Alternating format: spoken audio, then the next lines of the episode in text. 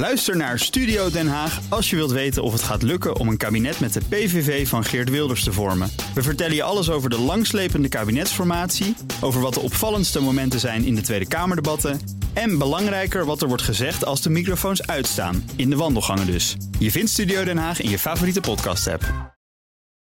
BNR Slimme Koppen wordt mede mogelijk gemaakt door branchevereniging Dutch Digital Agencies. De verslimmers van de wereld om ons heen. BNR Nieuwsradio. Slimme koppen. Diana Matroos. Slimme koppen, juist nu. Want nu de wereld op zijn kop staat, moeten we er alles aan doen om Nederland sterker en innovatiever te maken. En daarom gaan we elke week op zoek naar slimme oplossingen voor grote uitdagingen. Eventjes hoe het werkt. Elke week hebben we één uitdager en twee pitchers. De uitdager, een autoriteit, legt een belangrijk vraagstuk neer. En de pitchers moeten de uitdager vervolgens overtuigen met verrassende en innovatieve oplossingen. En of dat is gelukt, dat weten we aan het eind. Deze week gaan we het hebben over een superbelangrijk onderwerp, over het onderwijs. Sociaal-economische ongelijkheid is misschien wel een van de hardnekkigste bijwerkingen van corona. Vooral bij jonge kinderen. Hoe pakken we dat aan? Welke innovaties en oplossingen zijn nodig om echt vanuit de leefwereld van jongeren te denken en te kiezen en niet vanuit het systeem? Op 11-jarige leeftijd zeggen we: Jij bent een VMBO'er, jij bent een HVS, jij bent een VWO'er. En iedereen wordt dan in een hokje gestopt. Alsof we op 11-jarige leeftijd precies kunnen zien waar een kind of een mens thuis hoort. Dit schooljaar worden de kaarten geschud. Echt nog niet wakker. Dit jaar wordt hun leven een bepaalde richting opgestuurd. Hey. Arm, rijk, kinderen van de voedselbank, kinderen van ouders die alles weten. Het advies is eigenlijk voor de rest van je leven naar welke school gaat. En van dit jaar moet je echt het jaar maken zodat je iets wilt bereiken in je leven. En dacht je zo van ja, het moet ook gebeuren. School, no sleep en stress. Uiteindelijk is de belangrijkste kern dat we te vroeg selecteren. Heel veel talent gaat nu verloren. De uitdager. Jet Bussemaker. Zij is voorzitter van de Raad voor Volksgezondheid en Samenleving. En natuurlijk kennen we haar als de vorige minister van Onderwijs. Ja, dit, dit raakt mij echt in het hart als ik uh, dit hoor. Een fragment natuurlijk uit de documentaire Klasse. Een populaire uh, serie. Uh, gezien, neem ik aan. Ja, absoluut. absoluut. Ja. Wat, wat, wat doet het met jou? We hebben afgesproken te tutoyeren.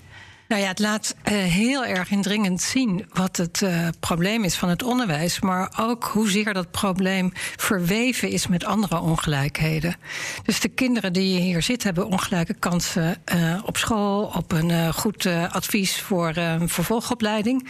Maar je ziet ook dat vele van hen worstelen met een thuissituatie waar geen of, of ouders veel weg zijn, waar ze met bestaansonzekerheid te maken hebben, waar ze geen veilige plek hebben. Dus het laat mij wel um, heel indringend zien wat we moeten doen in het onderwijs. Uh, veel meer streven naar gelijke kansen. En dat hoort misschien ook wel bij het moment van selecteren. Maar ik stel tegelijkertijd ook vast, en dat weet ik ook nog wel uit mijn vorige functie als minister, dat ja. dat alleen niet voldoende is. En nu als voorzitter van de Raad voor Volksgezondheid en Samenleving hebben wij ook een uh, essay geschreven over voorbij sociaal-economisch gezondheidsverschillen. En daar speelt exact hetzelfde probleem. Uh, we leven niet alleen, er zijn niet alleen grote verschillen in hoe oud we worden, maar ook in onze kwaliteit van leven en hoe lang we met kwaliteit van leven uh, kunnen leven. En daar zie je ook dat de verschillen uh, niet alleen over gezondheid gaan, maar dat die ook gaan over je woonsituatie. Dat die gaan over je stress hebt. Stress is een enorme ziekmakende factor. -hmm. En ook een hele bepalende factor voor concentratie. En dus voor goed uh, onderwijs uh, kunnen volgen. En is dan de, het onderwijs toch de sleutel om dit op te lossen? Nou, wat wij zeggen is dat wij, wij schetsen een hele lange termijn perspectief waar veranderingen in gelijke kansen vaak van buiten de zorg kwamen. Het begint met de riolering. Maar ook het onderwijs heeft een waanzinnig belangrijke rol gespeeld na de Tweede Wereldoorlog. Toen heel veel meer kinderen goed onderwijs konden volgen. Maar we constateren nu eigenlijk dat het onderwijs het probleem is geworden. En een oorzaak van ongelijkheid. En dat heeft wel iets te maken met hoe we naar, naar meritocratie kijken. Waardoor als je iets kan, steeds meer het idee is ontstaan dat dat een verdienste van jezelf is. Ja, dat en is niet natuurlijk het iets heel erg. resultaat van die maatschappelijke omgeving. Ja, dan ligt het eigenlijk eh, aan jezelf als het niet eh, is gelukt. En dat is nog erger. Ja. Want het is heel fijn dat, het voor, dat je kan denken dat het allemaal eh, aan jezelf ligt als het lukt. Ja. Maar het is heel erg als degene die het dan niet lukt, als die dan ook nog het gevoel krijgen dat ze er niet toe doen in de samenleving. En als we hier nou niks aan doen, hè, als we het maar een beetje laten sudderen zoals het nu gaat. En wat, wat, wat, waar ben je bang voor? Waar gaat het heen? Nou, dat we enorme tweedeling en polarisatie in de samenleving eh, krijgen. En dat we de Die is maatschappelijke. natuurlijk die is al. er al, maar die wordt dan heel veel groter. En nou ja, kijk naar Amerika, waar dat, eh, eh, waar dat uiteindelijk uit kan komen.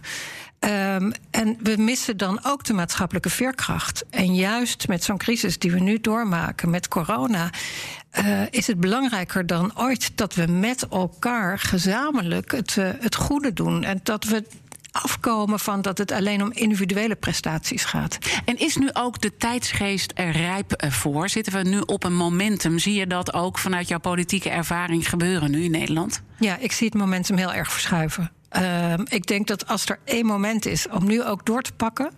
Dat heb je natuurlijk vaker na een crisis. Dat, je de- dat mensen meer openstaan voor andere benaderingen. En ik zie nu op zoveel terreinen die ongelijkheid toenemen. eh, in het onderwijs, in de zorg, in de steden. Die voor heel veel groepen ontoegankelijk eh, worden. eh, op de arbeidsmarkt. waar je grote scheiding ziet tussen mensen met goede banen. en met, met tijdelijke of flexbanen. Kortom, eh, op al die terreinen telt het bij elkaar op. En die optelsom, dat maakt het zo ehm, enorm actueel en ook zo dringend om het aan te pakken. Iedereen voelt het meer. En je ziet ook, denk ik wel, dat de VVD naar links opschuift. Hè. Dus dat geeft ook wel wat aan. Dat is een eh, signaal. We gaan natuurlijk, eh, hè, want we kunnen met elkaar constateren... het moment is daar, we gaan wat doen. Maar dan is het, wat gaan we doen? En dan komen natuurlijk ook die innovatieve oplossingen... van onze pitches straks naar voren. Waar, waar ga je op letten bij die pitches? Nou, ik ga vooral letten ehm, of het. eh, ik heb dat natuurlijk vaak gezien eh, in mijn tijd dat ik eh, minister van Onderwijs was. Dat er heel vaak goede, met goede bedoelingen oplossingen bedacht worden. die niet goed aansluiten bij de leefwereld van jongeren. en bij de leefwereld van de leraren. Dus die moeten, er, ehm, die moeten zich erin herkennen. En ik ga ook heel erg opletten of het ehm, de verbreding tussen wat er op school gebeurt. en vooral wat er daarbuiten gebeurt. Want dat zie ik nu heel scherp, ook in mijn huidige functie. Dat dat op een of andere manier verbonden moet worden. De school moet niet gescheiden zijn van de leefwereld, maar het moet één worden. Oké, we gaan de pitches niet langer in spanning houden, want we gaan eh, snel beginnen. En natuurlijk dank weer voor al die waanzinnige inzendingen. Maar er kunnen er maar twee slimme koppen hier in de uitzending eh, zijn. Slimme kop 1. Ronilla Snellen, eh, oprichter en directeur van Future NL. En eigenlijk kom je helemaal niet uit het onderwijs. Ik heb een eh, achtergrond als organisatieadviseur. Maar ik zag in de klas van mijn dochters eh, hoe het eraan toe ging met digitale vaardigheden in het onderwijs. En ik dacht, daar moeten we iets aan doen. Dat kan beter. Goed, je pitch eh, gaat nu in. Je minuut nu. Ja. Eh, we willen School van Nederland eh, oprichten. En School van Nederland gaat kennisclips maken voor het hele curriculum van de basisschool en van het voortgezet onderwijs. Eh, op een eigen tijdse manier naar de belevingswereld van het kind vertaald. En aangevuld met vakken van de toekomst, zoals organisatievaardigheden en digitale vaardigheden. En we gaan hierbij starten in april met het VMBO, met de examenclips. Omdat we eigenlijk elke VMBO-jongere de kans willen geven om te slagen. En we doen dat niet alleen. We hebben de samenwerking opgezocht met eh, NTR en SchoolTV. Omdat we echt willen zorgen voor een landelijke impact en een, een groot, eh, groot bereik. Ehm, we gaan zorgen dat de vakken die eh, dus bijvoorbeeld rekenen, dat die op een eigen tijdse manier worden aangeboden. Dus we gaan de breuken bijvoorbeeld eh, vertalen naar hoe zitten coronaverhoudingen precies. Hoe zit dat in Nederland? Hoe verhoudt zich dat tot België? Zodat het eigenlijk heel eigen tijds wordt. Maar dat je eigenlijk ook direct aan eh, fact-checking doet. En wat, dat heb je eigenlijk weer nodig om een denker te zijn in de huidige tijd van eh, internet. Ehm, ja, en Eigenlijk eh, doen we dit al bij FutureNL met zo'n curriculum, met de opbouw van eh, kennis. En dat betekent dat we het op die manier doen dat ook scholen zich daar heel goed bij in kunnen vinden, omdat het ook in de klas terugkomt. Goed. Rolina, dankjewel uh, voor nu, voor jouw pitch. En straks gaan we er natuurlijk uh, verder over praten. Maar we gaan uh, eerst naar... Slimme kop 2. Els Mast, medeoprichter van een nieuwe school in het Utrechtse Kanaleneiland. En we mochten jou ook de idealistische vakidioot noemen. Je loopt al heel lang mee. Ja, nou, al heel lang. Lijkt heel oud, valt wel mee. Maar ehm, ja, ik kom uit het onderwijsveld. Ik heb eh, forever voor de klas gestaan. Op allerlei verschillende eh, andere rollen en gebieden in het onderwijs gewerkt. En ehm, eh, mijn ouders komen uit het onderwijs, dus ik ben wel een redelijke vakidioot. Eh, ik vind het soms zelfs mijn hobby om over onderwijs na te denken. Dus dat, eh, ja, dat klopt wel. Ja, en natuurlijk heb jij je ook voorbereid op een eh, pitch. Want we zijn heel erg benieuwd naar jouw verhaal. Dus ik zou zeggen, jouw minuut gaat in. Heel veel succes. Dank je. Nou, als idealistische vakidioot, dan eh, vind je het dus ook heel belangrijk dat, ehm, dat onderwijs er goed ingericht is. Ehm, ik signaleer niet alleen nu kansongelijkheid eh, en door corona een groot probleem, maar ik zie eigenlijk al langer een mismatch tussen het onderwijs, het kind, de natuur en de maatschappij. Eh, en aan die mismatch wil ik wat doen. Mijn missie is om het onderwijs weer de meest vette plek zijn om te werken, om te zijn. Om kinderen te inspireren, ze te zien. En ehm, eigenlijk allemaal vanaf de why, het geloven in het kind. En het kind eh, een oneindige potentie te zien en te laten ontketenen. Oké, dat is in ieder geval jouw missie waarom je eh, dit eh, bent gaan doen. En we moeten denk ik nog iets meer inzoomen over wat dat dan is. BNR Nieuwsradio. Slimme koppen. Ik ga mijn thema eventjes eh, naar Jet Bussemaker. Natuurlijk nu vanuit jouw eh, nieuwe rol. Hè, maar je hebt natuurlijk ook heel veel ervaring als voormalig minister van Onderwijs. Dus je kan met twee eh, petten hier wel naar kijken. Wat is je opgevallen aan de twee verhalen? Nou, ik vind het eh, zijn enorme eh, begeesterde types om te beginnen. Dat vind ik al heel mooi om te zien. Want het begint met enthousiasme en het begint met, eh, met passie om iets te willen veranderen. Ehm, ik vind het, het heel leuk dat, dat er met VMBO-studenten begonnen, of leerlingen begonnen wordt. Omdat ik vaak zie dat innovaties toch nog terug terechtkomen bij de leerlingen die toch al veel van huis hebben meegekregen, die betere kansen hebben. Dus eh, ik ben heel benieuwd hoe jullie dat ook gaan doen met het VMBO, omdat het natuurlijk ook praktijkgericht is. En hoe hou je dan rekening met eh, nou ja, het hoofd, het hart en de handen, hè, waar het onderwijs uit eh, bestaat, om ook met die groep leerlingen om nou, daar goed rekening mee te houden. En bij de tweede pitch ben ik eigenlijk heel benieuwd. Kanaleneiland is natuurlijk een stadsdeel waar waanzinnig veel problemen samenkomen. en hoe zorg je er nou voor dat die school aan de ene kant ook echt een soort magneetschool wordt? eh, dat het die buurt beter maakt, maar ook dat je de buurtbewoners en de ouders en iedereen erbij betrekt. En dat is eigenlijk wel een vraag voor allebei. Hoe zorgen jullie nou concreet dat leerlingen, ouders, leraren ehm, het ook als iets van hen gaan zien? Eh, ja, ik wil een reactie geven op eh, eh, het VMBO. Hoe we die betrekken is ook door gewoon de stichting Platform VMBO's te betrekken met de docenten VMBO. En ja, ik, ik wil ook echt de lans breken voor het VMBO. Want ik vind eigenlijk in, ik vind een hele goede documentaire klasse. Maar ik vind ook dat onterecht het beeld wordt neergezet dat het een zwaktebod is als je op het VMBO belandt. Terwijl daar, daar zitten onze praktijktalenten. En daar zitten de mensen die straks aannemer worden en topkok. Ehm, en wij gaan die clips eh, maken voor de AVO-vakken. Dus dat zijn de theoretische vakken van het VMBO. Over de volle breedte van het VMBO. Omdat we eh, ook zien dat eh, jongeren op het VMBO juist moeite hebben met die theoretische vakken. En dus bij de examenondersteuning juist die hulp kunnen gebruiken. En we gaan dat doen samen met VMBO-docenten. Dus die gaan de clips presenteren. We gaan een vraagbaak online opstellen tijdens de examenperiode waar de jongeren terecht kunnen met hun vragen. En ook in eh, combinatie met landelijke eh, jongerenzenders gewoon uurtjes openstellen in de examenperiode waar docenten achter de lijn zitten om de vraag te beantwoorden als het gaat eh, voor de En ga examenstof. je de clips ook voorleggen? Laat je die eerst zien aan jongeren om te kijken of zij zich erin herkennen? Ja. ja, we doen sowieso de, de co-creatie van de clips samen met jongeren. eh, omdat het in de aanspreektaal ook moet zijn van jongeren. We hebben ook eh, zelf ervaring vanuit FutureNL met leerkrachten die voor de klas staan, docenten die voor de klas staan. Dus die sowieso heel erg bekend zijn met hoe doe je dat nou? Hoe zor- zorg je dat die eh, jongeren goed worden aangesproken? En het worden ook niet hele la- ellenlange clips. Het moet gewoon to the point, een minuut of drie. Ronela, ik denk dat het goed is dat we eventjes een heel klein stukje gaan luisteren naar zo'n clip die jullie dan bijvoorbeeld gaan gebruiken. Kennen jullie dat heerlijke gevoel dat je krijgt wanneer je nieuwste post op TikTok echt superveel likes haalt? Weten jullie eigenlijk hoe het komt dat je hier zo blij van wordt? Dit wordt brainhacking genoemd. Brainhacking betekent dus dat jouw hersenen misleid worden. Er worden bepaalde technieken gebruikt om jouw doen en laten te beïnvloeden. En ik ga mijn mobieltje nu wegleggen. Af en toe moet je weten wat echt belangrijk is in je leven. En kan je nog een beetje omschrijven uh, wat wij dan uh, gaan zien en wat die jongeren dan gaan zien straks? Ja, de examenclips worden echt heel strak gericht op de examenstof. Dus dat komt binnen de halve minuut to the point in zo'n clip van, uh, nou, de stelling van Pythagoras. Oké, dat is de twee lijnen uh, opgeteld, is de schuine zijde. En omdat je een clip maakt, kan je dat ook visueel maken. En dat, dat beklijft veel beter natuurlijk tussen je oren als je het ziet. Um, dus die worden heel erg to the point en kort, zodat je direct weet: oké, uh, ik wist niet meer wat de stelling van Pythagoras was. Nu heb ik dat clipje gekeken en nu weet ik het wel. En hoe kan je hier dan, eh, want dat is natuurlijk het belangrijke punt ook wat Jet Busmaker ook hier wil uh, agenderen, die ongelijkheid. Hoe gaat dit uh, verhaal, want ik denk dit zou voor iedere jongere, ik heb zelf twee kinderen van 18, weet je wel. Nou ja, ik heb een beetje gezien ook hoe dat onderwijs gaat op de middelbare school. Het is voor iedereen fijn om te hebben. Hoe gaat dit nou de ongelijkheid aanpakken?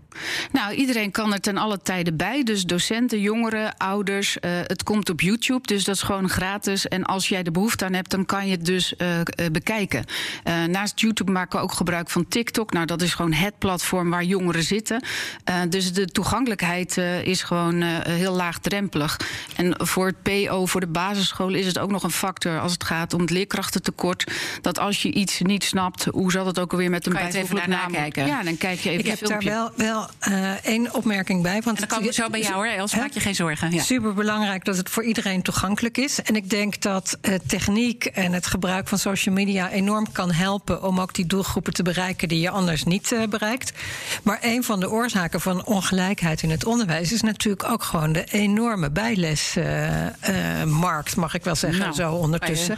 Um, en. en um, het, de vraag blijft of alle leerlingen die dit nodig hebben, of die dit ook allemaal thuis uh, gaan doen. En of ze dat geconcentreerd gaan doen. Of dat ze ook alleen de clipjes gaan kijken, maar daar ook de volgende stappen in zetten. Dus ik zoek toch nog een ja. beetje. Ik kom nog maar een keer terug op de relatie tussen school en wat er daarbuiten uh, gebeurt. Hoe zorg je ervoor dat er op de sportclub, bij de voetbalclub of bij uh, de bedrijven waar jongeren um, um, een bijverdiensten hebben, dat daar ook nagedacht wordt. Hoe kunnen we deze middelen nu goed inzetten, ja. um, zodat het ook voor hen bereikbaar Heeft wordt. Heeft een van jullie twee daarover nagedacht? Nou, ja, zeker. Oh. ja, nog één reactie. Dan, heel kort, want dan wil ik echt inderdaad even. Ja, het is gratis. Dus het is uh, veel huiswerkclubjes of naschoolse uh, trajecten zijn betaald. En daardoor is er nee, een dat scheiding. Snap ik. Dat snap ik. Het is supergoed, stap 1, dat dit gratis is en dat, dat het niet betaald is. Maar dan nog moet je wel de plek hebben, ook buitenschool, om dit je hm. eigen te maken en ermee te werken. Els, misschien kan jij er wat over ja, zeggen. Nou, ik wil even jouw vraag eigenlijk iets breder trekken. Wat, je, uh, wat ik uh, hoor je zeggen, hoe betrekken we thuis en de maatschappij en school bij elkaar? Ik denk dat het mooi is om eerst te kijken naar wat is de bedoeling van onderwijs. En volgens mij is de bedoeling van onderwijs dat je Kind, de potentie van kinderen ontketent. En wat ik zie dat we op dit moment hebben gedaan in de maatschappij, is een soort uh, statusladder gecreëerd waarin kinderen opklimmen.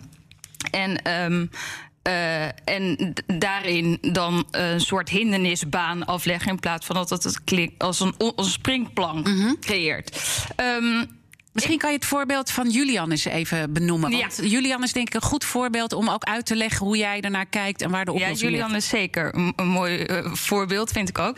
Um, ik denk dat het onderwijs een plek moet zijn waar je uh, het kind ziet en um, uh, belevenissen creëert. Dus wat wij hebben gedaan is een concept ontwikkeld waarin uh, er een heleboel belevenissen worden gecreëerd, zodat kinderen ontdekken van waar ben ik goed in, waar zitten mijn talenten. Deze Julian die, uh, die ging hout bewerken en hij kwam terug en hij zei: Els, moet je kijken. Het was zo'n echte Utrechter. Ik heb zo'n zwaard gemaakt. Ik kan Utrecht niet zo goed nadoen. Oké, dat ga ik ook niet proberen. Ik heb een zwaard gemaakt. Het was helemaal mooi geschuurd en het zag er echt fantastisch uit. En hij zei: Nu weet ik het ik wil iets met hout gaan doen. Ik denk dat ik timmerman wil worden. Ik zei, nou, te gek, dat is echt een goed idee. Laten we eens even kijken wat op jouw leerlijn dan nog uh, uh, de, de leerdoelen zijn... die jij dan moet gaan behalen om daar aangenomen te worden. En deze jongen die uh, was zo intrinsiek gemotiveerd om zijn leerdoelen te gaan behalen. En dan meteen een brugje te maken naar hoe ouders er dan bij betrokken worden. Deze moeder die belde mij meteen vanmiddag. Ja, ik wil me in gaan schrijven bij uh, Houten, bij, uh, bij de timmerschool. En hoe moet ik dat doen? We hebben een heel plan gemaakt. Deze jongen die heeft knetterhard gewerkt om te zorgen dat hij daar terecht komt. En um, volgens mij is dit een mooi voorbeeld van hoe het in de praktijk ook kan zijn. Ja, maar dat hangt dus dan heel erg van af wie Julian dan voor zich heeft. En nu hebben jullie heel erg geholpen. Maar je moet dan eigenlijk bijna ook andere type docenten hebben die dat ook kunnen. Want eigenlijk hoor ik jou tussen de regels door zeggen: het is meer gericht op de gemiddelde leerlingschool. Ja, dat is, een mooi, dat is zeker zo. Ik denk dat het heel belangrijk is voor het onderwijs om weer terug te gaan om te kijken naar naar de why. Wat is, wat is waar we het samen voor doen? En om vette scholen te creëren waar het leuk is om te gaan werken. En um, uh, het gemiddelde kind of normleerling centraal zetten helpt helemaal niet bij onderwijs op maat maken of het kind zien. Want dan zie je het kind vanuit een normleerling. En volgens mij moet je van vergelijken mm -hmm. naar de unieke ik gaan en een kind in een breder perspectief ontwikkelen. Wat ik mooi aan jouw voorbeeld vind, is dat uh, we, kijk, we zijn geneigd en daar gaat natuurlijk het grootste deel van de eindtoets of de CITO-toets ook over. Het gaat allemaal over taal en rekenen. Het gaat allemaal over kennisvakken. Uh, Terwijl Um, uh, je hebt ook de vakken waar je meer met je, ook met je hoofd, maar ook met je handen bezig uh, bent. En sommige leerlingen zijn misschien wel heel goed in sport of in cultuur of in houtbewerking en, en minder in die echte uh, taal- en rekenleervakken. Um, en dat daar meer mogelijkheden voor komen, dat vind ik heel erg goed. En vooral ook omdat dat zelfvertrouwen kan creëren. Ja, en daarbij He, onderwijs moeten... gaat over kennis, gaat mm -hmm. over vaardigheden, maar het gaat ook over zelfvertrouwen. Tegelijkertijd zeg ik wel, wat ik geleerd heb, is dat soms externe toetsen, en daar is de CITO-toetsen ook voor bedoeld, soms ongelijkheid um, kunnen signaleren. Omdat er overal helaas bij bijna iedereen wel ergens een bias uh, zit. En leraren snel geneigd zijn om leerlingen met lager opgeleide ouders ook lager te adviseren. Dus en, soms en, heb en je doet dat je veel druk nodig om ja. daarnaar te kijken. En doet dat je ook, uh, gaat dat je aan het hart? Want je bent natuurlijk zelf uh, hiervoor minister van ja. Onderwijs geweest, waar ook het besluit is genomen om de docenten, volgens mij is dat ergens in 2015 gebeurd, samen met Sander Dekker, de docenten eigenlijk de doorslaggevende stem uh, ja, te geven. Terwijl er toch een bias zit ook bij uh, dat docenten. Was, dat was een uh, op nadrukkelijk verzoek van de Tweede Kamer. Ja. Bijna breed gedeelde Kamermotie. Die best een goede redenering hadden. Want die zeiden: die eindtoets ziet alleen de foto. En de leraar ziet de, film, zit, ziet de film. Die ziet het kind, die ziet de mogelijkheden. Die ziet wat een kind wil en, en wat er nog meer aan de hand is. Dus geef meer ruimte voor de film boven de foto. Hadden we gedaan. Resultaat daarvan bleek dat ja. de ongelijkheid toenam. Toen hebben we het weer omgedraaid. Toen hebben we gezegd: ja. als het advies lager uh, is dan het oordeel van, uh, uh, of hoger is dan het oordeel van de leraar, dan moet het advies eigenlijk bijgesteld ja. worden. Ik zit nu even met een aan... probleem, want we moeten even, nou, probleem, het is, het is geen groot probleem, hoor, maar we moeten hier op de radio nu gaan afronden, want die tijd zit erop. Slimme koppen. Even napraten. Mag ja. ik dan nog één ding? Wat heel ik graag. graag ook richting het initiatief van Els. Kijk, ik ben heel benieuwd hoe dat in Kanaleneiland zit. Maar je ziet vaak dat bij um, scholen die toch al in wijken zitten waar heel veel meer problemen zitten. Uh, of zijn, dat daar ook moeilijk is om goede leraren te vinden. En dat je dus dat ook daar op school al die problemen zich opstapelen. En ik ja, denk dat een omkering zou kunnen zijn om die scholen waar jij het ook over hebt, die, uh, die wat magneetscholen of hoe je het ook wil noemen, die, die, die ontzettend uh, goed kinderen weten aan te spreken met de beste docenten. En dus ook met hele goede digitale middelen. Dat we zorgen dat die in die wijken komen. En ja. niet ja, en dat is heel vaak niet het Oh, nee, want je ziet nu dat scholen die het goed doen hebben, vragen een hogere ouderbijdrage. Daar kunnen ze ja. dan mooie computers van kopen. Daar kunnen ze extra cultuur uh, van doen. En dat zou op een of andere manier omgedraaid moeten nou, worden. Dit, hier ben ik het helemaal mee eens. Dat is ook de reden dat wij hebben gezegd: wij willen deze school juist daar hebben. Je ziet ook dat een school heel vaak een bubbel is van gelijkgestemde soort ouders, leerlingen. En dat uh, dient al helemaal niet het, kansengelijkheid. Dus wat wij hebben gezegd is die school moet daar komen. Tegelijkertijd wordt er een nieuwe school uh, een nieuwe wijk gebouwd in Merwede Kanaalzone.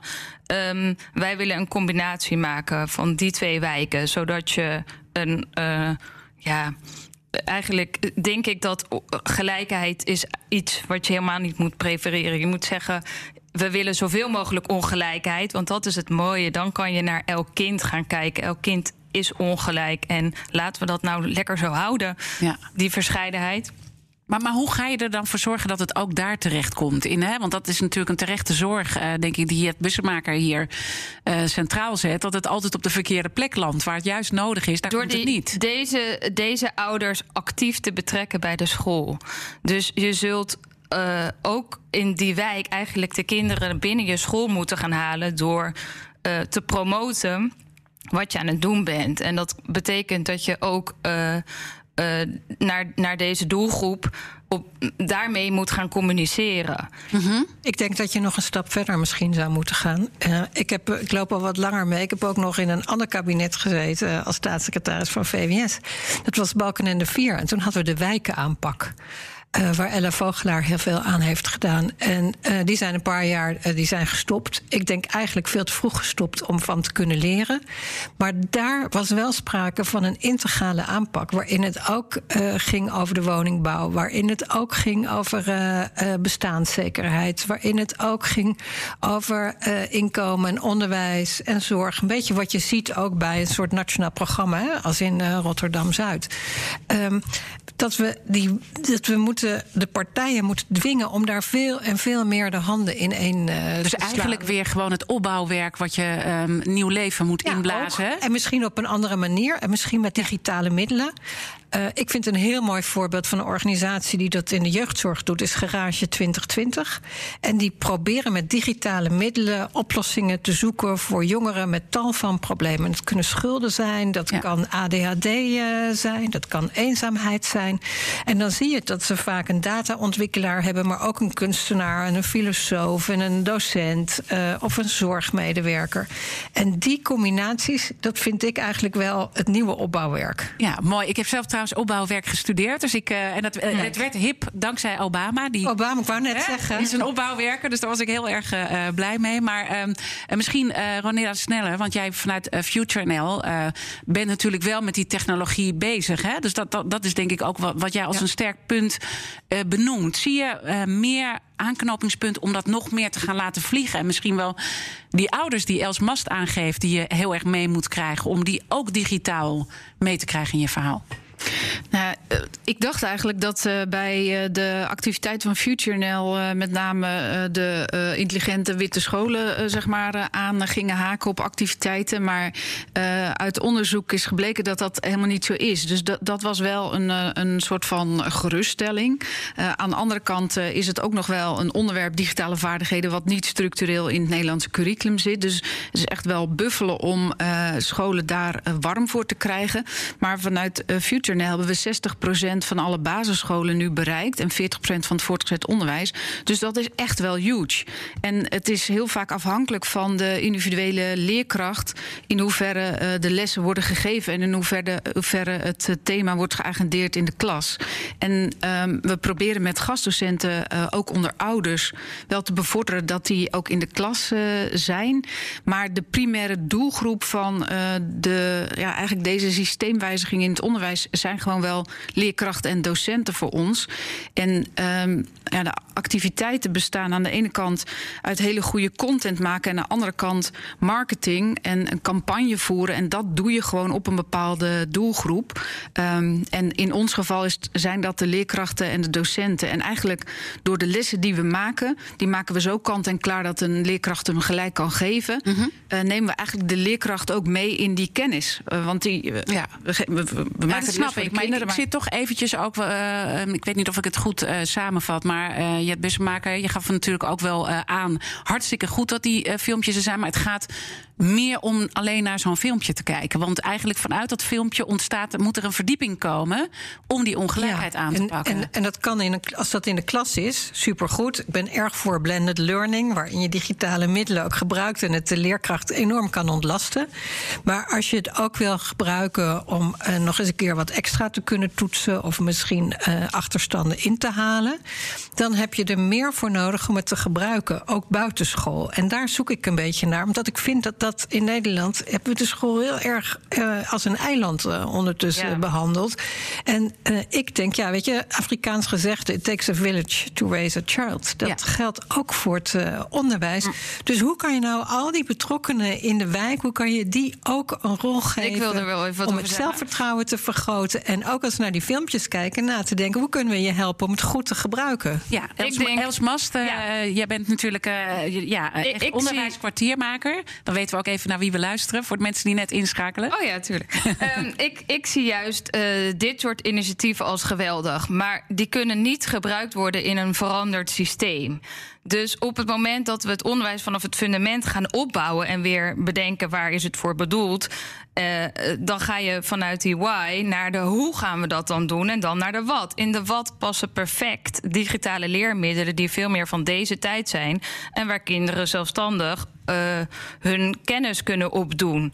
Um, en ik denk dat, dat dit een geweldig initiatief is om, om een toevoeging te zijn. Maar wat daaraan vooraf gaat, is dat uh, dat er eerst een verandering plaatsvindt in het onderwijs. En een verandering van het systeem. Ja. ja dus het kind moet centraal staan en dan ja. het systeem op. Uh, volgen. Maar ik zit nog wel ja, maar tegelijkertijd, de, hoe. De hoe dan. Ja, dan, ja. dan kunnen we wachten tot Sint-Jutemus. Ja, ook uh, dat. verandering ontstaat doordat mensen bij elkaar zitten en iets nieuws bedenken. Dus dit, daarom vind ja, ik dus dit ik bedenk uh, een school met een groep mensen, die komt er dan. En daar hebben we middelen bij nodig om vervolgens het tot uiting te brengen. Dus dit zou een middel kunnen zijn van, vanuit ons initiatief.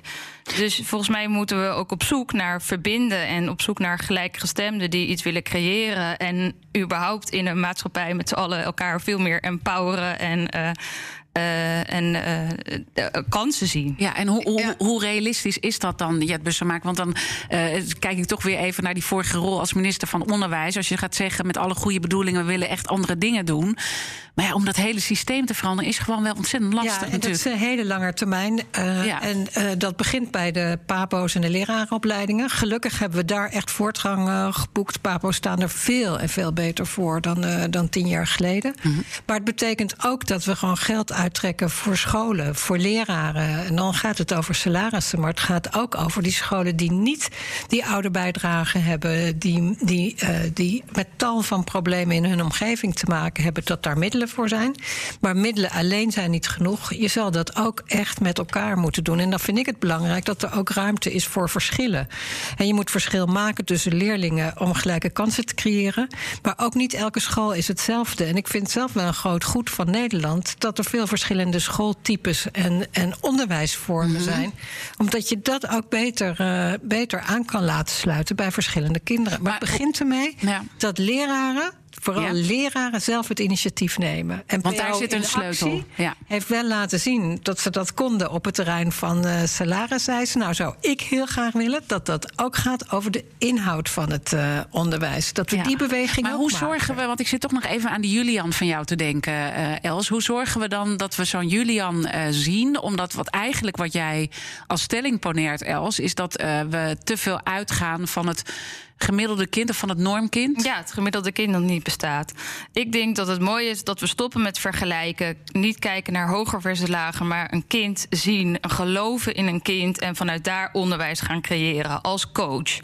En als coach wordt ook de baan meteen een stuk aantrekkelijker dan leraar, uh, leraar te zijn. Ik denk dat we moeten stoppen met selecteren. Want um, een ander voorbeeld van Julian Weg naar Lorena. Uh, een meisje uh, die. We, we, deden vergaderingen, democratische kringen, waar dan uh, voor en door kinderen. En Lorena was een meisje van vijf en die vond dat de gangen niet goed gebruikt werden. Want het waren toch perfecte leermogelijkheden, maar het was daar vaak rommelig en te veel geluid. Dat meisje van vijf die zette uit hoe het er wel uit moest zien, maakte briefjes met iemand samen. Um, met haar leerlingen uit de bovenbouw. En, um, en die organiseerde dat die hele gang anders eruit kwam te zien. En ik denk dat wij heel vaak kinderen ontzettend onderschatten en het kind niet goed zien. En door te coachen en te kijken wat is er nodig en in de zone van naast ontwikkeling te gaan zitten. Ja.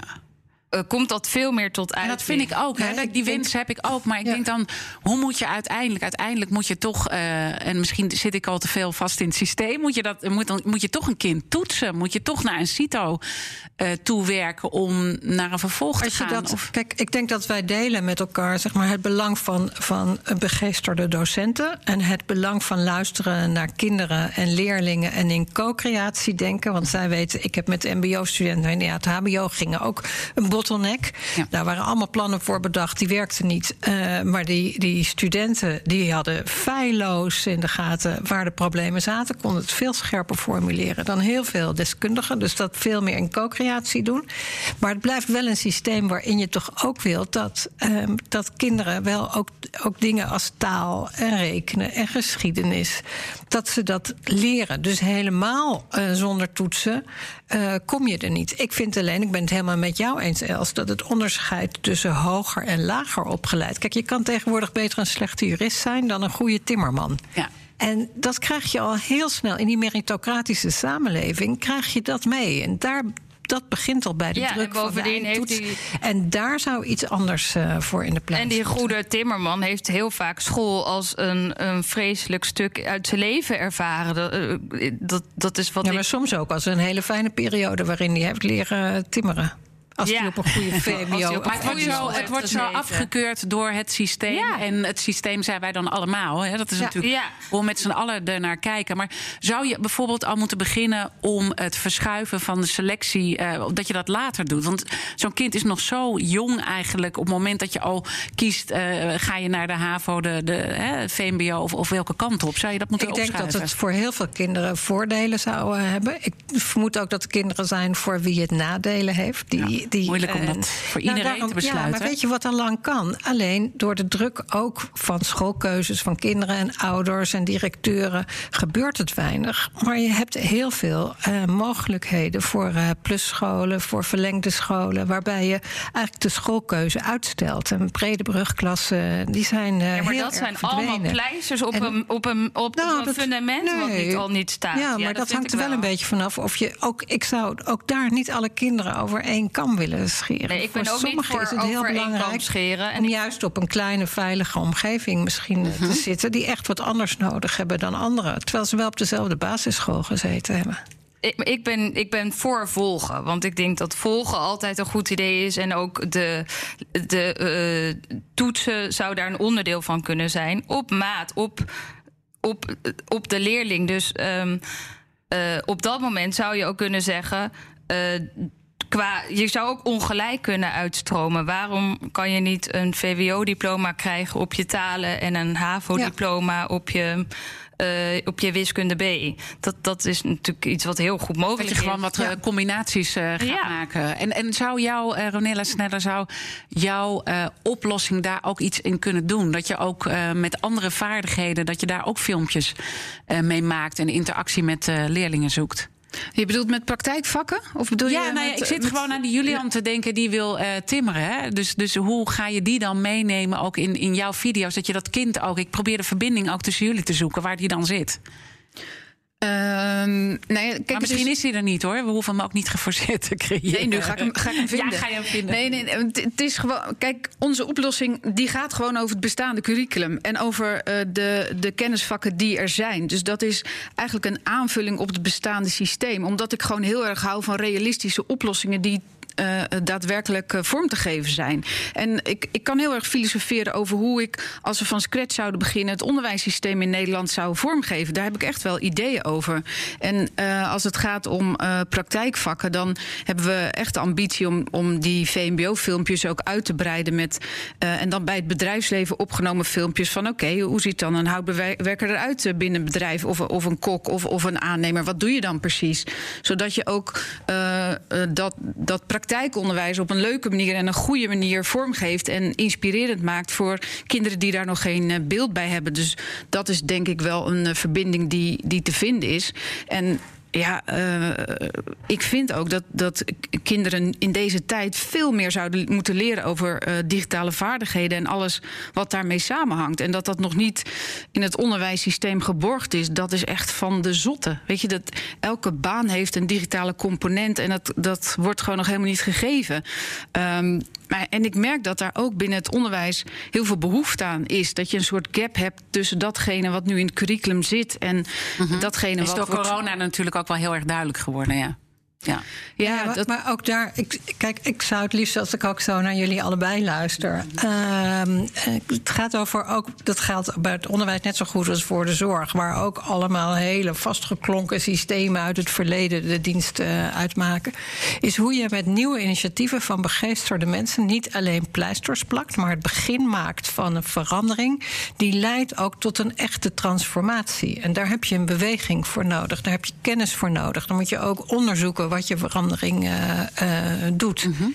Um, en die kant moet het wel op. En ik zie wel ondertussen, ik zeg het nog maar een keer, dat we wel op een soort kantelpunt zitten, ja. naar mijn idee. Waarin die maatschappelijke ongelijkheid, die complexe ongelijkheid, die ik op heel veel terreinen zie, mm -hmm. uh, veel meer aandacht krijgt. En we ook weten dat we naar oplossingen moeten zoeken die niet over, over één klein onderdeel gaan, maar die vanuit het begin een grotere transformatie, transitie bewerkstelligen. Ja, en ik hoop dat en dan deze kan je dat hopen is. dat dit soort initiatieven, en dat geldt voor jouw initiatief, en Mhm. dat geldt voor die Garage 2020 die ik noemde, en dat geldt voor jouw school, en uh, dat dat samen uiteindelijk ook, ook tot een leerproces van ons allemaal leidt om um, het systeem en de, de, de manier waarop we uh, het, het, kennis uh, en, ja. en scholen hebben vormgegeven, dat we dat van binnenuit veranderen. Want van buiten kunnen we, kan je van alles bedenken. Maar nou, dat heb ik wel geleerd in mijn politieke carrière, dat daar heel, heel erg veel uh, mee misgaat. Maar hoe zou je dat dan, want, want de vraag stellen is hem ook beantwoorden. En ik probeer dan voor me te zien, hè, eigenlijk zeg je, je moet heel breed gaan kijken en eigenlijk dan met al die mooie initiatieven samen een hele brede beweging op gang krijgen. Ja, vandaar... maar, maar hoe dan? Ik probeer het dan toch. Wat moeten we dan morgen anders gaan doen? Zo zit ik dan een beetje te denken. Nou ja, het zal al beginnen om veel meer bij elkaar uh, te gaan kijken. Veel meer van elkaar te leren. Ja. Dus wij moeten ook een soort lerende gemeenschap met elkaar uh, uh, en ons niet terugtrekken. En dat gebeurt natuurlijk vaak, dat je uit veiligheid, en het is zo ingewikkeld en het is zoveel, dat heel veel mensen zich dan maar terugtrekken op wat, uh, wat, wat zij kunnen, wat waar ze zich veilig uh, voelen. Uh, dus misschien ook met elkaar meer, meer de, de, de onzekerheid uh, opzoeken. Meer openstaan voor nieuwe initiatieven. Maar daar vind ik wel bij horen heel goed volgen. Uh, wat ook de effecten zijn op individuele leerlingen en op het totaal. Want ik ja. vind dat we in Nederland met heel veel onderwijsvernieuwingen. zijn we ook wel de mist in gegaan. Omdat we niet goed gevolgd hebben. wat daar nu de positieve en de negatieve elementen Ja, dus goed volgen. Uh, maar wie zou dan de voortrekkersrol moeten nemen. om toch even wat meer de onzekerheid en de kwetsbaarheid op te zoeken? Nou ja, dat zijn vaak buitenstaanders. Ik denk dat dat vaak mensen ja, zoals moet je ook zijn, laten die initiatief uh, nemen, ja. die, die de ruimte nemen. Ja, je moet je comfortabel voelen, denk ik, bij, uh, bij onzekerheid. En daar komt een beetje chaos en onbehagen bij kijken. En er zijn mensen nodig met uh, mandaat en lef en daadkracht die het gewoon gaan doen. En ik denk dat er zeker ook uit het nieuw te ontwikkelen systeem kinderen. Uh, dat daar dingen in gaan gebeuren waardoor je denkt, nou, dat had eigenlijk beter anders gekund in het experiment, om het maar even zo te zeggen, zonder dat ik vind dat kinderen proefkonijnen zijn, even wel duidelijk gezegd ja. hebben. Um, maar we kunnen ook concluderen dat in het huidige systeem geen inclusief onderwijs is. Dus ja, uh, let's go for it. Juist ja. dan, daarom moet je het wel gaan doen. Ja, en dat, en dat vind ik, uh, ik bedoel, sommige dingen moet je ook gewoon doen, hè? Want je kan erover praten, maar en, en jullie doen het dan, dus uh, hulde hè, daarvoor. Maar hoe, hoe krijg je tot een grotere beweging? Want dat is ook wat. wat, wat Door uit de hiërarchie te gaan. We zitten ontzettend in een maatschappij die vanaf boven naar beneden georganiseerd is, in plaats van een platte organisatie. Ik denk dat we in een maatschappij moeten zoeken naar, naar verbinding en met elkaar um, daar in elkaar versterken. En dat betekent dat je niet meer per se vanuit hiërarchie moet gaan denken, maar gezamenlijk de krachten bundelen. En als, we, als ik dan even kijk naar jou, Ronella, hoe heb jij dat gedaan door dit echt, uh, nou ja, door de brievenbus van dat onderwijs te krijgen? Nou, eh, als je kijkt naar de FutureNL, is het ook gewoon het maken van goede content met uh, leerkrachten zelf die erop zitten te wachten. Het gebeurt natuurlijk niet vanzelf dat er 60% van de basisscholen die, die lessen van ons uh, volgen. Um, en daarin hebben we ook gewoon de samenwerking gezocht met een SLO die het curriculum maakt in Nederland. En nu met School van Nederland doen we dat ook met het platform Stichting VMBO. En we doen dat met NTR, die al op schooltv veel, filmpje, veel materiaal heeft. Dus het is ook kijken naar bestaande grote spelers en daarmee de innovatie stimuleren. Deze week uh, is in uh, Engeland de BBC gestart met uh, schooltv eigenlijk op het gewone kanaal aanbieden, zodat de basisschoolleerlingen tv kunnen kijken en lessen kunnen volgen. Dus het is ook gewoon internationaal kijken wat gebeurt daar en hoe kunnen we dat toepassen in Nederland. misschien in een wat andere vorm, maar je hoeft ook niet alleen maar het wiel zelf uit te, te vinden. Maar mijn strategie is altijd wel om te kijken welke grote spelers zijn er in Nederland. Ja. En wie zit er in de doelgroep zelf? Ja. Uh, om nou ja, de, dus wat moet er gebeuren? Dat begint bij uh, co-creatie met de meest betrokkenen. In dit geval uh, leraren en leerlingen. het betekent het, het meekrijgen van mensen daaromheen. Dus ik zou zeggen heel erg een coalition of the willing bouwen. En het betekent van daaruit, zoals jij zegt, Els, andere bestuurs- en, en, en, en sturingsmanieren bedenken meer gericht op netwerken. En dan nog maar, wat mij betreft, ik zeg het nog maar een keer, het netwerk ook om de school heen. Want anders dan, uh, dan, dan blijf je op een eilandje. In plaats van alleen hiërarchisch uh, werken. En op die manier creëer je een beweging. En ik denk dat dat wel de manier is om vandaag de dag uh, transitie te krijgen. Veel meer dan zeg maar een nieuwe stichting oprichten. Die naast al die andere silo's komt staan. En denken dat het op die manier gebeurt. Ja. En dan laten zien wat ook wat het enthousiasme, wat dat doet met, met de leerlingen en met de leraren. Zodat je uh, van die scholen uh, ook juist de scholen kan maken die een aantrekkingskracht hebben. In plaats van dat iedereen denkt: ja. oh, hier is een uh, stapeling van problemen. Ik kijk maar snel weg, want ik weet niet waar ik moet beginnen. Ja, en dat enthousiasme is er, dat heb jij ook wel verteld, Ronilla, als je dan met die docenten spreekt. Dus dat moeten we bij deze positieve noot, denk ik, eindigen. Want, of missen we nog echt iets cruciaals? Hmm. Kijk, stilte. nee, dan laten we het uh, hierbij. En wie weet praten we er nog eens uh, over verder. Ik wil jullie heel erg uh, danken. Nogmaals, mijn gasten Jet Busmaker, voorzitter van de Raad voor Volksgezondheid en Samenleving en oud-minister van Onderwijs. En de slimme, koppen Ronilla Snelle, oprichter en directeur van FutureNL. En Els Mast, onderwijskwartiermaker en medeoprichter van een nieuwe school in het Utrechtse Kanaleneiland. Blijf ons volgen via mijn LinkedIn-pagina. en dat is Diana Matroos. Dag. BNR Slimme Koppen wordt mede mogelijk gemaakt door branchevereniging Dutch Digital Agencies. De verslimmers van de wereld om ons heen. Ook Harm Edens vind je in de BNR-app. Je kunt BNR Duurzaam niet alleen live luisteren in de app, maar ook terugluisteren als podcast, zoals al onze podcasts. En naast dat de BNR-app Breaking News meldt, houden we je ook op de hoogte van het laatste zakelijke nieuws. Download nu de gratis BNR-app en blijf scherp.